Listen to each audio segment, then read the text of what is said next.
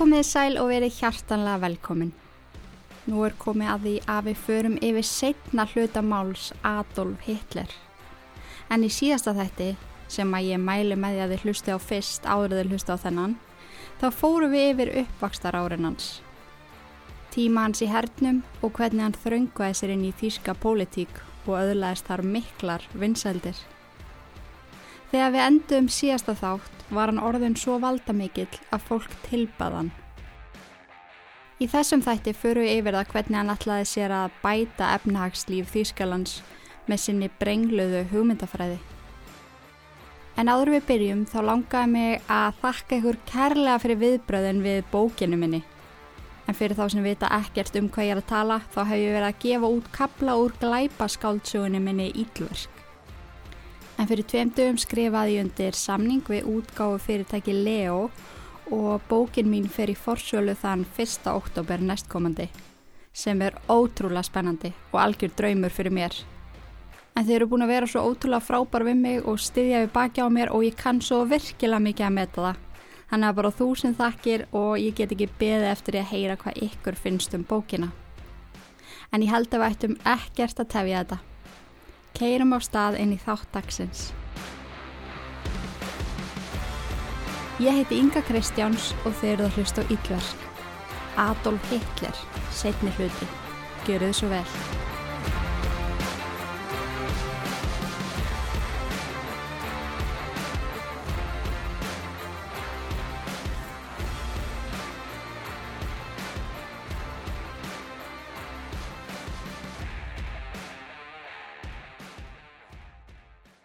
Svo við rifjum aðeins upp hvert við vorum komin í síðustu viku þá fór Adol og fund með þýskum herleðtóum í februar 1933.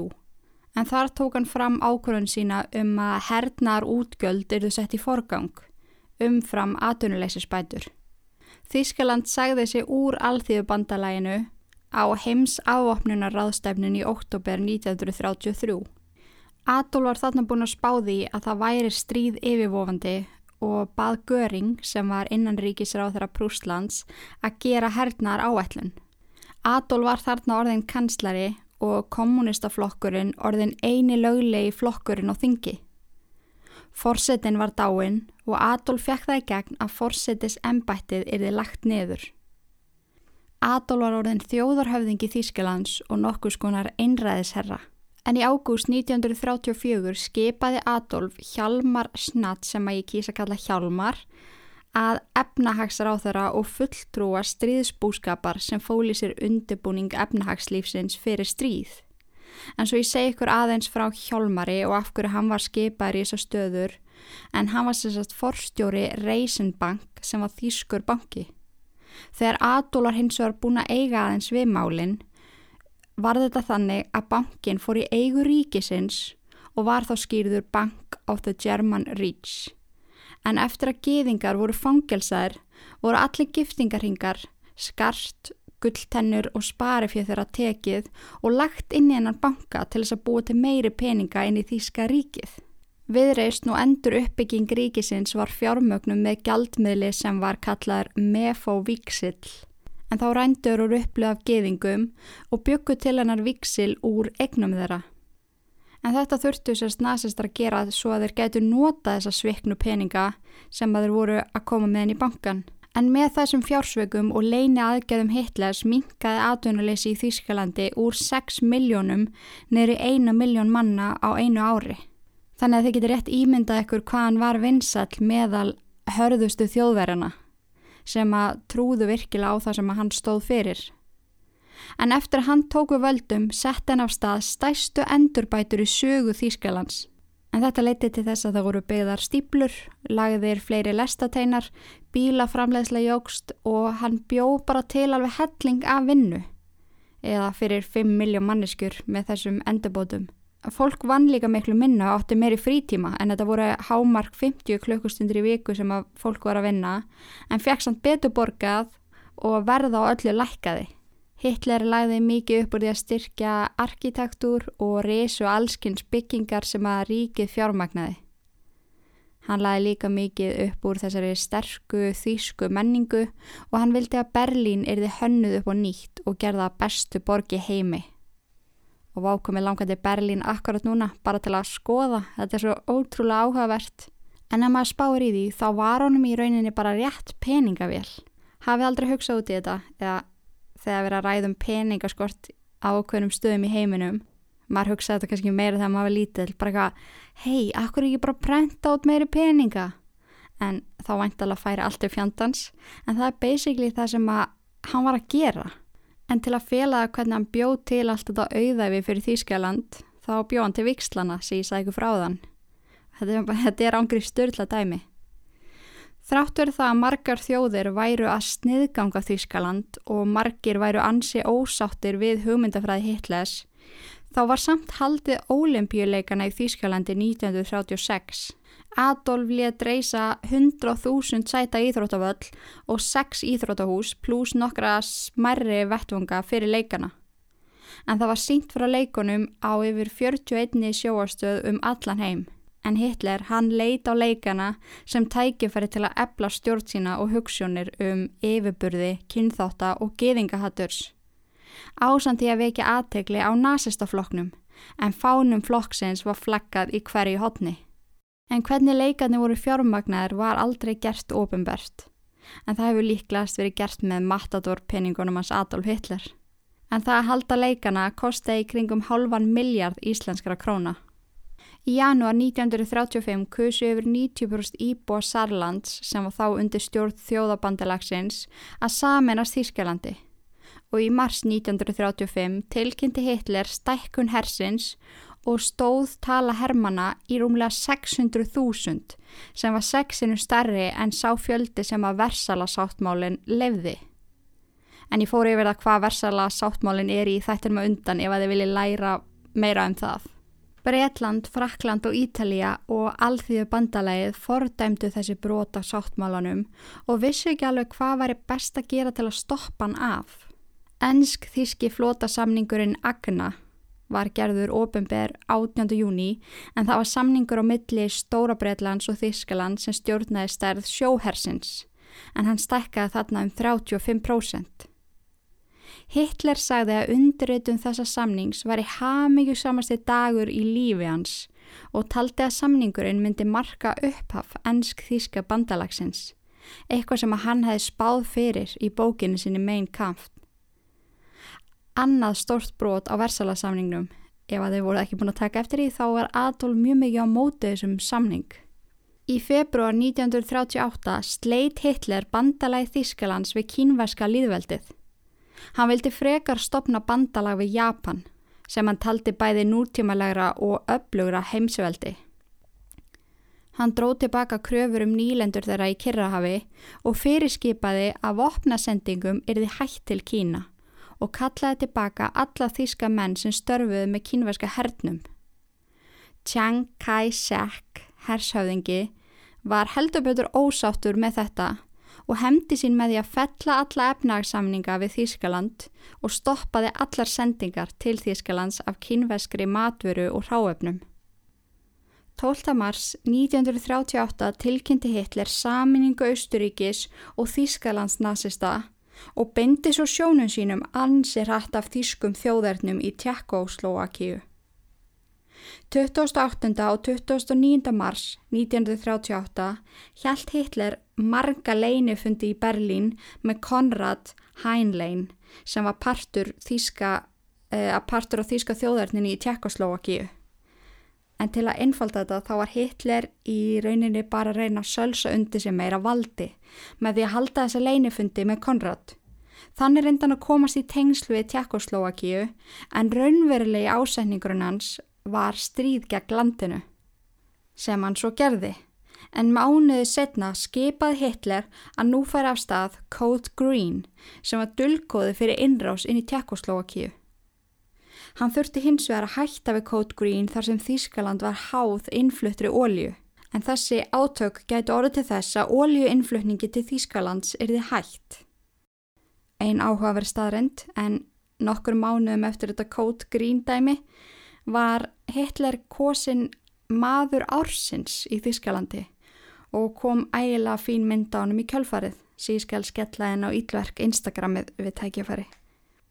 Árið 1939 lísti Hitler yfir að Breitland væri helsti óvinnurinn og þann hér þurfti að sigra, en til þess að það veri hægt þurfti að útrýma Pólandi. En Póland var vendað af Breitlandi og það pyrraði Adolf að Breitland væri aðstofa Póland við að halda sjálfstæði. En í ansi áhrifaríkri ræðu segir hann I shall brew them a devil's drink. Hann hóta að segja upp flótasamningnum sem Þýskaland hafi gert í Stóra Breitland ef að þeir heldu áfram að tryggja Pólandi sjálfstæði. Hann vildi sölsa Póland undir sig eða gera það hlutlaust en pólverar heldu áfram að standa með Breitlandi og voru því ekki hlutlausir. Adolf var ekki sáttu með þetta. Árið 1939 skipaði Hitler hernum að búa sig undir Case White sem þýtti innrás inn í Póland 25. ágúst. Hann slútaði flótasamningnum og pólska sáttmálanum. Þýskaland ætlaði stríð við Póland. Hann hafði samt ágræði svona baku eirað að árás inn í Póland gæti haft í för með sér ótímabært stríð við breyta. Utanríkisráðaran og fyrirvændi sendiherra í London, Joachim von Rubbentrop, fullveisaði hann um að hvorki Breitland nýja Frakland myndu standa við skuldbendinga sínar um að verja Póland. Í kjölfarið og eftir hann actually trúði Joachim, lísti hann yfir stríði. Áætlunans krafðist leinilegs stöðning Sovjetríkjana. Hann og Stalin myndu gera díl um að skipta svo Pólandi á milli sín. Það sem Jóakim hafði haldið fram um að Frakland og Breitland myndu ekki venda Pólandi stríði rættist hins vegar ekki.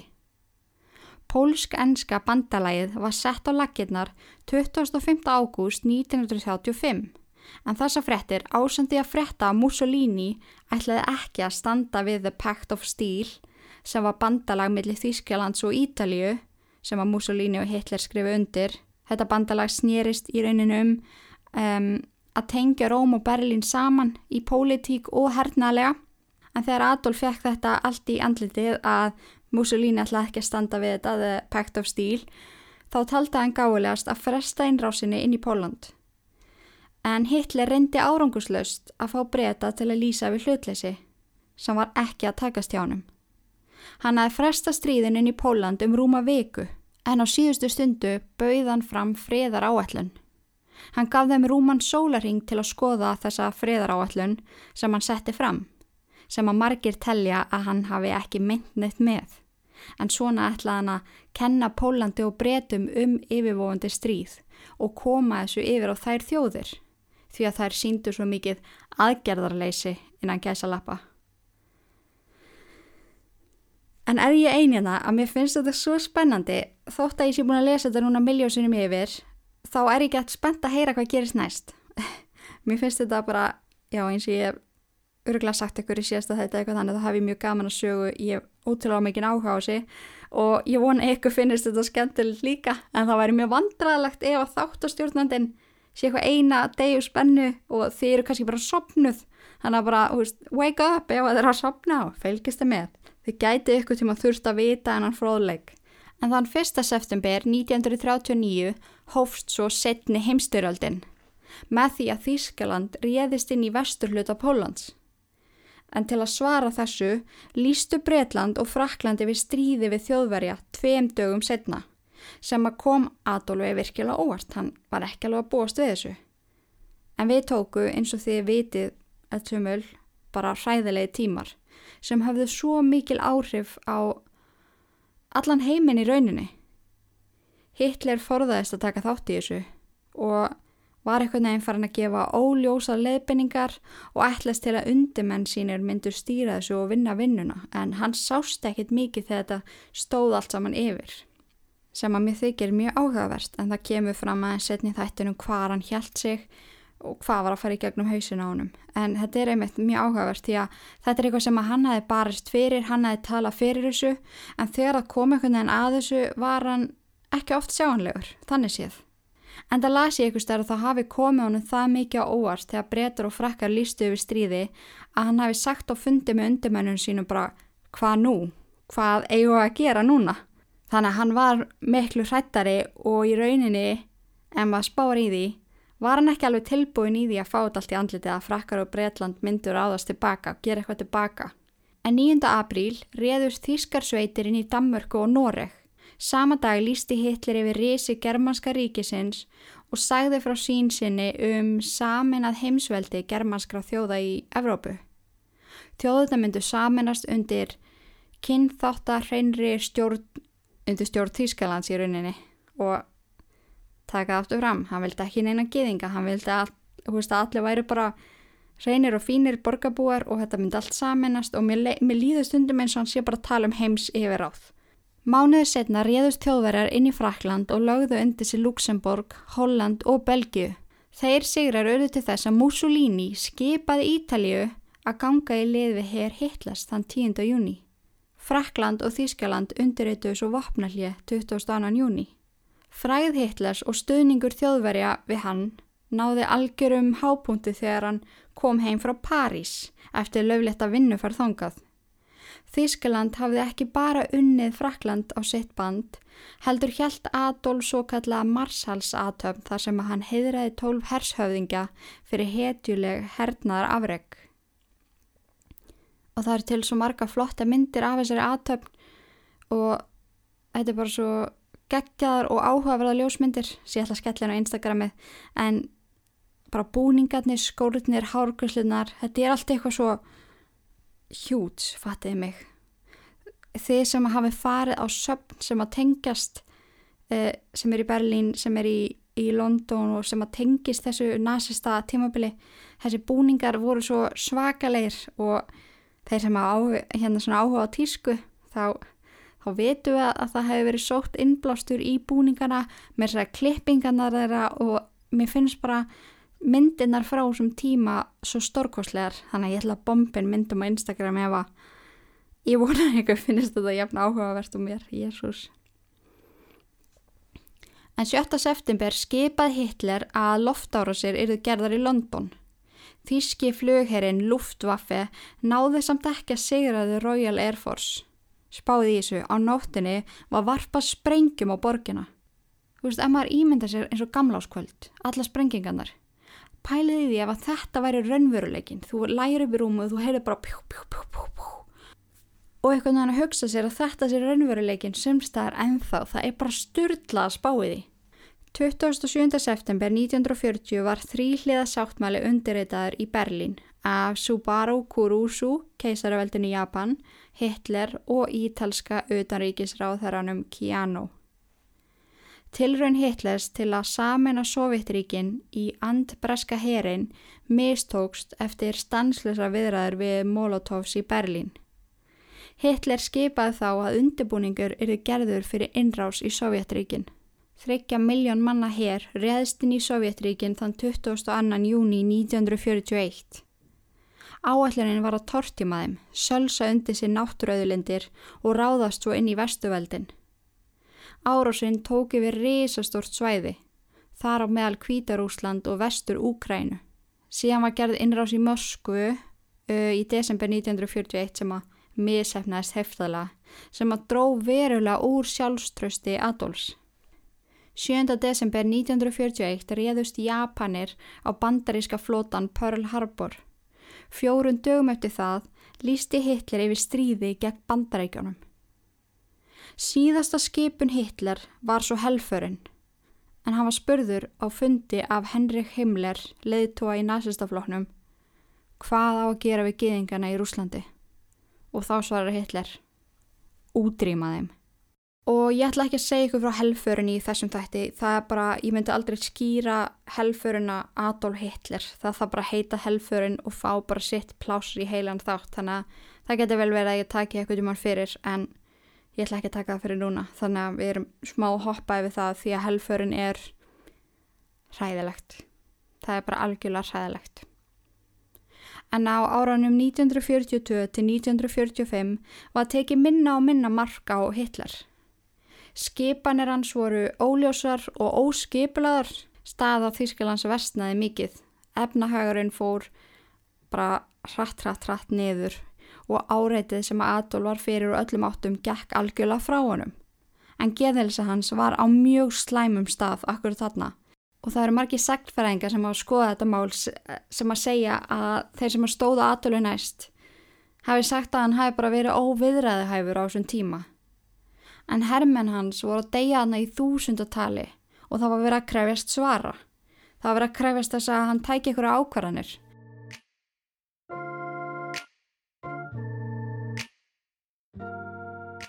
Heyriði, ég þarf að segja ykkur smá lendó og þið með ekki segja neinum.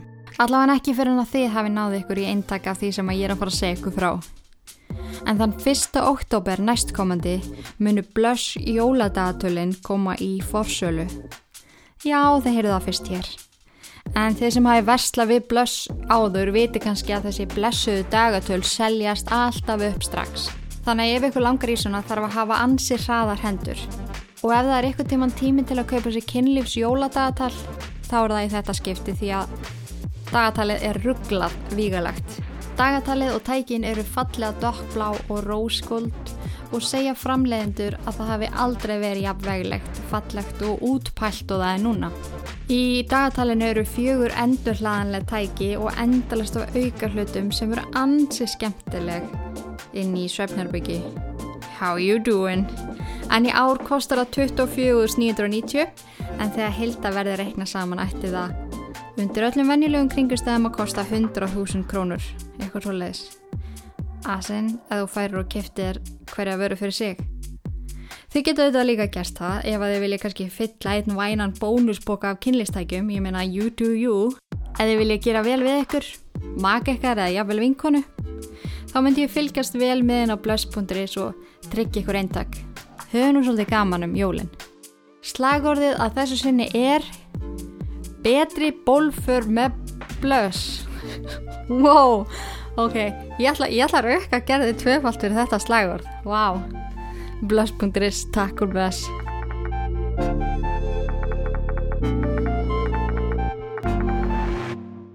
Þíski pólitíkusar og yfirmenn sáu að ósigur Þískalands væri óumflíjanlegur og að áframhaldandi stjórn Hitlers myndi leiða til algjörar eigðileggingar á landinu. Eigðilegging sem myndi aldrei vera hægt að bæta upp og það voru líka í gangi mjög mörg áform um að drepa Hitler og sumi reyndu mér þess að gera það. En þekktast að dæmið er þegar sprengju var komið fyrir í einni af herstöðum Hitlers. Maðurinn sem að gera það hétt Klaus von Stauffenberg. Hitler liði þetta nömlega af því að eitt starfsmanna Hitlers, Heinz Brandt, hafi fært skalatöskuna sem að sprengja var í á baku sveran fót á þungu ráðstefnuborði sem að tók á sig nær alla sprenginguna. En Hitler varð brjálaður og paranójur eftir þetta. Hann krafðist hemdar aðgerða sem að leittu til aftökum meira en 5.000 manns. Árið 1945 var stór hluti Þýskalands í rúst. Hitler hjælt áfram að þrýsta, að reyna að fá rauðaherin sem var herr sovjetmanna aftur í lið með sér til að berja skegg bandaríkjaher, sem að hann taldi mun veikari. Hún var neyta hvað eftir annað og í april 1945 var Hitler búin að brenna allar brýra baki sér. Í fyrsta skipti sagði hann upphátt, við höfum tapað öllu. Hann sagði og fundi með öðrum hersforingum að hann myndi núna draga sig í hlið, dvelja í Berlín þar til stríðinu laug og skjóta sig svo. Þótt hann hafi verið löngu búin að missa vitið, þá má segja að eftir þetta hafa hann endalega orðið klikkaður. 23. apríl umkringdi rauði herin Berlín. Goebbels, einn nánasti vinnur Hitler og forstöðumæður í nazistafloknum, bað bæjabúum að hjálpa þeim við að verja Berlín. Sama dag sendi Göring, annar forstöðumæður í nazistafloknum, símskeiti og útskýrði þar að Adolf væri óvinnu fær. Hann væri búin að missa vitið og draga sig í hlið. Hann hafi einangrið sér í Berlín og þess er þið hann að taka yfir fórustu Þýskalands. Henrik Himmler uh, sem var fóringi nazista hers reyndi að semja um uppgjöf við vestrænu bandalagsríkin. Þeir þrýr sem voru heitlar hvað mikilvægastir fóru á bakveðan eða það fannst húnum allavega þótt að þeir væri í reyninu bara að reyna að leysa málinn, þeir voru bara að reyna friða, friða málinn eftir alla keiotíkina sem að Adolf var búin að koma Þískalandi í. Þegar hann frétti að því að Himmler væri að reyna að semjum frið, þá fyrirskipaði hann handtökuði Henrik og let skjóta forstöðumann hans í hér höfustöðunum. Þannig hafði Himmler enga tengjögu inn í flokkin lengur. Eftir miðnætti aðfaranóttina 29. apríl giftist Hitler Efu Brón í lítilli borgarleiri aðtöfn í Fúrlerbungar sem var í raun leini byrgi staðsett inn í kanslarahúsinu í Berlín. Þar dvaldi Hitler þegar hann drósi í hlið frá stríðinu og einangraði sig.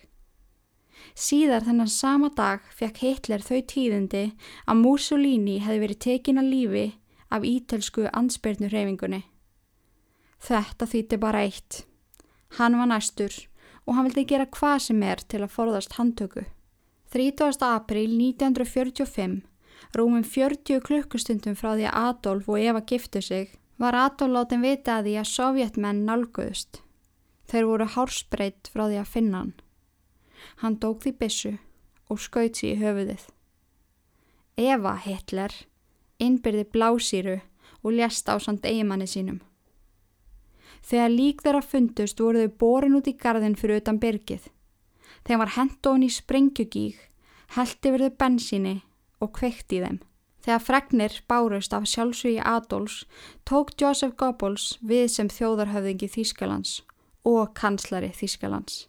Það fór á stað mikið af sögursögnum, eins og það að Hitler hafi flúið til Argentínu í Kavbót. En það eina sem fannst af líkamsleifum hans var neðri kjálkin. Í neðri kjálkanum voru enþá tennur, gerðar úr silfri. Það var borið við skýrslur frá því að hann fór í aðgerð á tönnunum eftir fyrstu heimstyröld og þetta passaði allt saman. Svo það er nokkur neginn hægt að segja með vissu að þetta séu líkamsleifar Adolfs. En það hefur aldrei verið fundið restina og það hefur ekki verið fundið neitt af líki efu. En með þau gerir þetta svo magnað. Hann gata ekki hugsa sér að þurfa að játa sér sigraðan svo hann tók sitt eigi líf áður en að einhver annar kann gert það. Hann hataði svo mikið að mistakast að það skipti hann öllu máli hvað fólki fannst um hann. Hann vildi hafa völd, hann vildi stjórna og um leið og ykkur veikleikamerki komið fram reyndan hvað hann gað til að bæla það niður. En ég ákvað að stikla á stóru þegar að koma stríðinu. En mér langaði einhvern veginn meira að innbeti mér að því hvernig maður hann var, hvernig ákvarðanir hann tók og hvernig hann hagaði sér. Því að eins og ég sagði hann, helfurinn, setni heimstjóröldin og allt þetta, þetta er eitthvað sem þarf sinn eigin þátt, þetta, það þarf miklu meiri upplýsingar og maður þarf að segja skýrt og vel frá þessu þannig að það er bara einhvern veginn ekki hægt að stikla á stóru þegar það kemur að þessu en kannski einmitt tekið að fyrir ykkur tíman sérstaklega ef því takið vel í svona sögu þætti sem að þið virðist svona flest verið að gera. Mér fannst að áhugavert að fræðast aðeins meira bara um hann sem mannesku því að þegar maður hugsaður um hann þá sér maður einhvern veginn fyrir sig bara skrimsli, eitthvað svona vélmenni sem er alveg sama um allt og alla. Og það er svo magnað að gera sér grein fyrir því að hann var bara maður. Fucking 174 cm maður. Þú veist, hann var ekkert merkilegur sko, bara pínu lítill kall sem náði svo miklum völdum að hann hafði ekki hugmyndi um hvernig var best að nota þau Líka spáði því að hann glimti við andlega erfileika og líkamlega kvilla hafði skoðinar og hlutum sem að töldust ekki vera pólitík. Man sér hann bara fyrir sér sem Hitler, nazista, en hann var líka Hitler, Hitler frendi, Hitler kærasti, Hitler besti vinur og mér finnst það svo áhugavert að spá í. Finnst ekki það ekki? En ég fann svona, það voru svona ýmsar upplýsingar sem ég langaði að læra betur um og ég ætla að deila það hérna með ykkur. En hann lagði til dæmis mjög mikla ástriðu í velferð dýra. En það var aragrúi af hundum á heimilans sem að þá, þú veist, það var hugsað ótrúlega vel um þessu hunda. Hann var alltaf að klappa þeim og leika við það og, og hann vildi koma upp skjóli fyrir heimilislega stýr, bæta dýraspítala sem er auðvitað mjög fallið hugsun á meðan maður hugsaður ekki út í að hvernig hann var við mannfólk. Hann vildi ekki útrýma ákveðni tegunda hundum eins og hann vildi útrýma geðingum það, veist, það er svo erfitt að hugsa um hann sem mann sem elskar eitthvað í rauninni. Hann var vegan, sagðist ekki hafa áhugaði að borða vini sína. Já, eins og ég las ykkur starf en svo fyrir maður í helsufarans þá var það á tímum frekar slæmt. Hann kvartaði mjög mikið yfir alls konar verkum í líkamunum og fóri í marga rannsóknir til að finna út hvað það var sem að amaði á honum. En hann var til dæmis með sárasótt eða syfilis og Huntington disease sem er arfgengur taugasjúkdómur sem leggst á taugafrömmur í heila. En sjúkdómurinn veldur líka líkamlegum, tilfinningarlegum og atferðislegum breytingum sem getur trubla dælegar aðtapnir. Sumadaga gata hann ekki keirt bíl og var algjörlega óvinnu fær vegna verkja. Hann grindist einni með Parkinson veiki sem hafði verulega áhrif á hrifigetu hans. Hendur hans teitruðu og hann náðist þetta mikið halda á svona litlum hlutum eins og penna og svo leiðis. Adolf var einni með eitt eista sem var algjörlega óvirt en hann varð fyrir alvarlegum skada í stríðinu uh, við somma og var því ófrjórð og þurfti að fjarlægi annað eistað en svo tók ég saman nokkra svona ótrúlega randum staðrendur um hann sem mjög, ég var bara svona að leika mér að googla í rauninni. Og þetta er eitthvað sem maður ekki endilega spái þegar maður skoðar sögu Adolf Hitler. En veist, eins og hverju uppáld liturinn hans og hvað finnst honum best að borða? Mér finnst eitthvað að voða interesting að skoða það. Og mér finnst þetta bara mjög interesting að skoða hjá öllum, ég held ég að við googlað þú veist what's Marlon Monroe favorite color? Það er bara eitthvað við að vita. Ég veit ekki hvort það ég sé bara svona ógeðsla forveitin en það er eitthvað interesting en uppáhalds liturinn hans var einmitt rauður. Hann var 174 cm á hæð og 68 kg sem að komið smá óvart. Um, því að þegar maður skoða myndir á hann þá verðist hann einhvern veginn vera svolítið svona þjættur og ég sá einhvern veginn fyrir mér að Adolf Hitler var í hávaksinn og þjættur og svona stór maður. En hann var grannlega bara frekka grannur undir öllum þessum lögum af búning sem hann var í að því að 68 kílóa maður sem er hvað, 174 cm hmm. ég held að það sé svona í grannir kantinum ætti ég að segja leðir þetta með annars bara en það er talið líka að Hitler hafi átt laumusson Jean Marie Laurette sem að held ég mitt sjálfu fram líka að húnu fyndist hann uh, mjög líkur Adolf Hitler og hún finnst líklegt að hann væri pappans. En ég skal skella mynda þessu manni á Instagram sem er með sömu móttu og allt sem að, sem að hérna Adolf var að vinna með og það er alveg líkindi en hann átti sérst á að barnað konu sem heitir Charlotte Laboyer í árum sínum í Vienna sem sagt áður en hann tók þátt í stríði og misti annað eistað. Adolf sagði að bláegt fólk með ljóst hár væri nálat fullkomnun Þannig að klapp fyrir ykkur því að þannig að fullkomna fólk sem er að hlusta. Þeir eru betri en við hinn. Adol var sjúkur í eplaköku og bað kokkin sem að vann á heimilans að baka svoleiðis alla daga. Ofan á kökuna setta hann netur og rúsinur og er þótti líka mjög gott að fá sér súkulæði keks og skonsur með kvöldteginu sínu. En það er einmitt viðtal við kokkin sem var að vinna í, í hérna Bernhof þar sem að Adolf bjó og hún bara, okk ég elskaði að baka þessa blessuða eplaköku, það var geggjulegt að henni. Og ég bakaði henni alla mótna, hún stóði við daginn, hann var alltaf að fá sér og þetta var bara alltaf til. Hann dýrskaði eplaköku. Eplakökur eru mjög góðar, er alveg sammálunum en það sem ég skoðaði líka sérstaklega sem ég á mjög forvitinum er er þetta einkennilega yfirvaraskegg sem sem að hann var að vinna með sem að margir kallaði mitt uh, móttu en þetta er sem sagt kallað tambustaskegg eða toothbrush beard og var í raun tíska sem að byrjaði kringum 1921 en glöggir vita að Charlie Chaplin var einnig þekktur fyrir þennan einkennilega skeggstíl En Hitler byrjaði á að vera alltaf með svona skegg sem kallast Kaiser eða Bavarian sem er skegg sem var svona, svona langt í báða enda og svo krullaðist það svona endan og ég er að leika þetta núna með höndunum þið veitir hvað ég veið þetta er svona þú veist, það myndi lafa niður þá er það ekki að svona sítt niður á höku en hann, þú veist, krullaði það svona upp svona pínu eins og um, æ, þið veitir pottið hvað við svona eins og er að stundum í sirkus. Ég er kannski að bylla en þetta hér kallaðist allavega Bavarian beard og hann var með þann stíl álega ótrúlega lengi og það eru til myndir á hann úr fyrstu heimstjóraldinni með svona bafrænian skegg. Og það var alveg þygt og mikið og hann hjælt mjög mikið upp og snirst þetta skeggar alveg fála mikið, veist, áttu fullt af vörum og svona greiðum og eitthvað svo leiðis en skegg skipta ótrúlega miklu máli og ef að þið skoði myndir af hermunum á þessum tíma þá voru þeir alltaf einhvern veginn ótrúlega vel svona kliftir skeggi ótrúlega fínt og veist, ef við spáum í því þá er pínu svona hermana hártíska búin að vera í óvandi þessi svona faded cut og svona skipti hérna skipti hliðana upp á haustum og svona. Að, að þeir voru alveg mjög snirtilegir þeir mega eiga það. En ástæðan fyrir því að hann breytti úr bavarænianskekkinu sem hann var alltaf að vinna með var út af því að sítin var ekki nóg góð þegar að koma því að vera með hjálm En í fyrstu heimsturjöld þá var hann skipað að snirta skekkið og klippa í burtu síðu krullunar til hliðana svo að skekki væri ekki þvælast fyrir hjálmunum.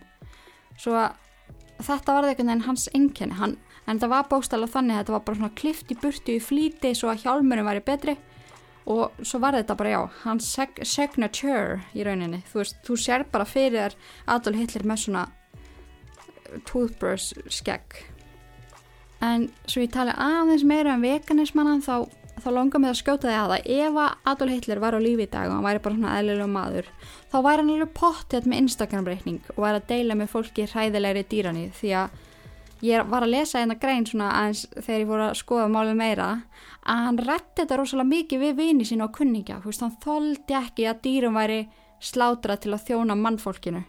Þú veist, ef hann fór í matabóð þar sem að kjötur á bóðstólum þá held hann ræður um hvað dýr hefði þurft að gangi í gegnum til að enda á disknum hjá sér fólki og líka áhugavert að ef að kæðrastan hans elskaði snirtuverur þá var bara hennar áhuga mál og hún var áskrifandi að öllum nýjustu vörunum og þá komið þú veist farandsalar með það nýjasta til hennar nokkur sinum í mánuði. Og Adolf þóldi ekki að hún var að nota þessa vörur og töðaði stanslast í henni að hún var að hún er að gera þessi grein fyrir kvölurum sem dýrin er að fara í gegnum svo að hún geti nota þessa varaliti það er bara svo ótrúlega skrítið að lesa þessi orð frá þessu manni þar sem að hann, þú veist, útrýmti fólki. Ég get bara einhvern veginn ekki tekið marka á honum. En einn staðrind sem að ég hafði ekki hugmynd um, ég hafði aldrei heyrt um þetta aður og ég ramlaði svolítið bara inn á þetta en það var í raun Adolf Hitler að þakka að bílinu Volkswagen Bjalla var framleitt.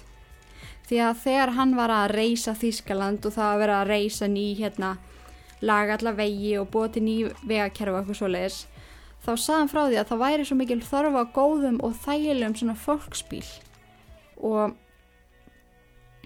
og hann vildi einhvern veginn koma með svona fjöldaframleitan ódýran lítinn bíl sem að fimm manna fjölsketta geti samtúst keift og komist fyrir og geti samtúst komið fyrir skotti maturum og eða vera að ferðast og eitthvað þannig. Þannig að útlit og markmið bílsins voru í raun hönnuð og mótu af Adolf Hitler Síðan tók Ferdinand Porsche yfir hönnunina og let framlega svona bíla, Volkswagen Beetle, sem er mjög, mjög áhugavert. En já, þetta var allt. Ég vonaði ykkur að það finnast þetta jafn skemmtilegt á mér. Ég persónulega lærði ansi margt nýtt á meðan ég skoðaði sögu Adolf. Og ég er nú þegar búin að fá nokkuð skilabóð um að þessi þáttur hafi komið að háréttum tíma fyrir þátturinn því að nokkri er að fara í prófur sögu og eru um þetta fjallað um Adolf, svo að það er geggjað. En ég fór eitthvað að hugsa um. Spá ég því ef að kennarar væri bara með podcast. Svona skólapodcast í staðin fyrir námsbækur. Hmm, ég verið að velta sig eitthvað eins fyrir mér. Þú veist, þá er ég bara gerðið þáttur upp úr því mikilagasta úr til dæmis bara setni heimstjóröldinni og það væri gerðið eitthvað svona skemmtileg frásögn og sound effects og eitthvað svona get catchy og svo segðu kennararnir bara hei þið þurfum að hlusta þátt 2 og 3 fyrir prófið í næstu veiku váka það væri geggjað. Og þá myndur maður bara geta verið á æfingu að hlusta og, og þú veist maður getur glósa úr því að maður vill. Og þá er einhvern veginn hægt að spara allar þessar námsbækur sem er svo ógeðslega erfitt ofta að lesa því þetta er, að ég veit ekki, það er, það er svo mikið að dóta sem að nýtist manni ekki af því að þú veist á einni blaðsjöu þá eru kannski hvað 500 orð og þú ert, til, þú ert bara að læra tíu þeirra. Þú veist ég veit að og kenna manni hellinga að lesa og gera sér grein fyrir hvað er mikilvægt og hvað ekki. En þú veist það væri hægt að gera þetta í ykkurum fögum bara svona til að létta eins undir þú veist eins og í íslensku ykkurum hérna íslensku áfengum væri hægt að gera þetta þú veist sögu þú veist fullt af dóti. Það væri hægt að nota pod podcast meira og ég er alveg vissum að það verði gert af því að ég veit að það eru fullt af kennurum sem eru að nota podcast, þú veist ég fengi skilabóð frá kennurum þar sem að ég verði að prófa upp úr þáttunum mínum og það, þú veist, þeir sem að fíla podcast, þeir náttúrulega taka miklu betur eftir, þú veist, að fá að hlusta í stæðan fyrir að lesa þannig að, ég veit ekki, minnst þetta eitthvað sniðt, ég fór eitthvað að spá í þessum daginn. En ég held að við segjum þetta gott á þessu sinni, takk fyrir að hlusta, takk fyrir að ára til og í guðan og bænum fóruðist öll ítverk nema þetta podcast. Verðið sæl.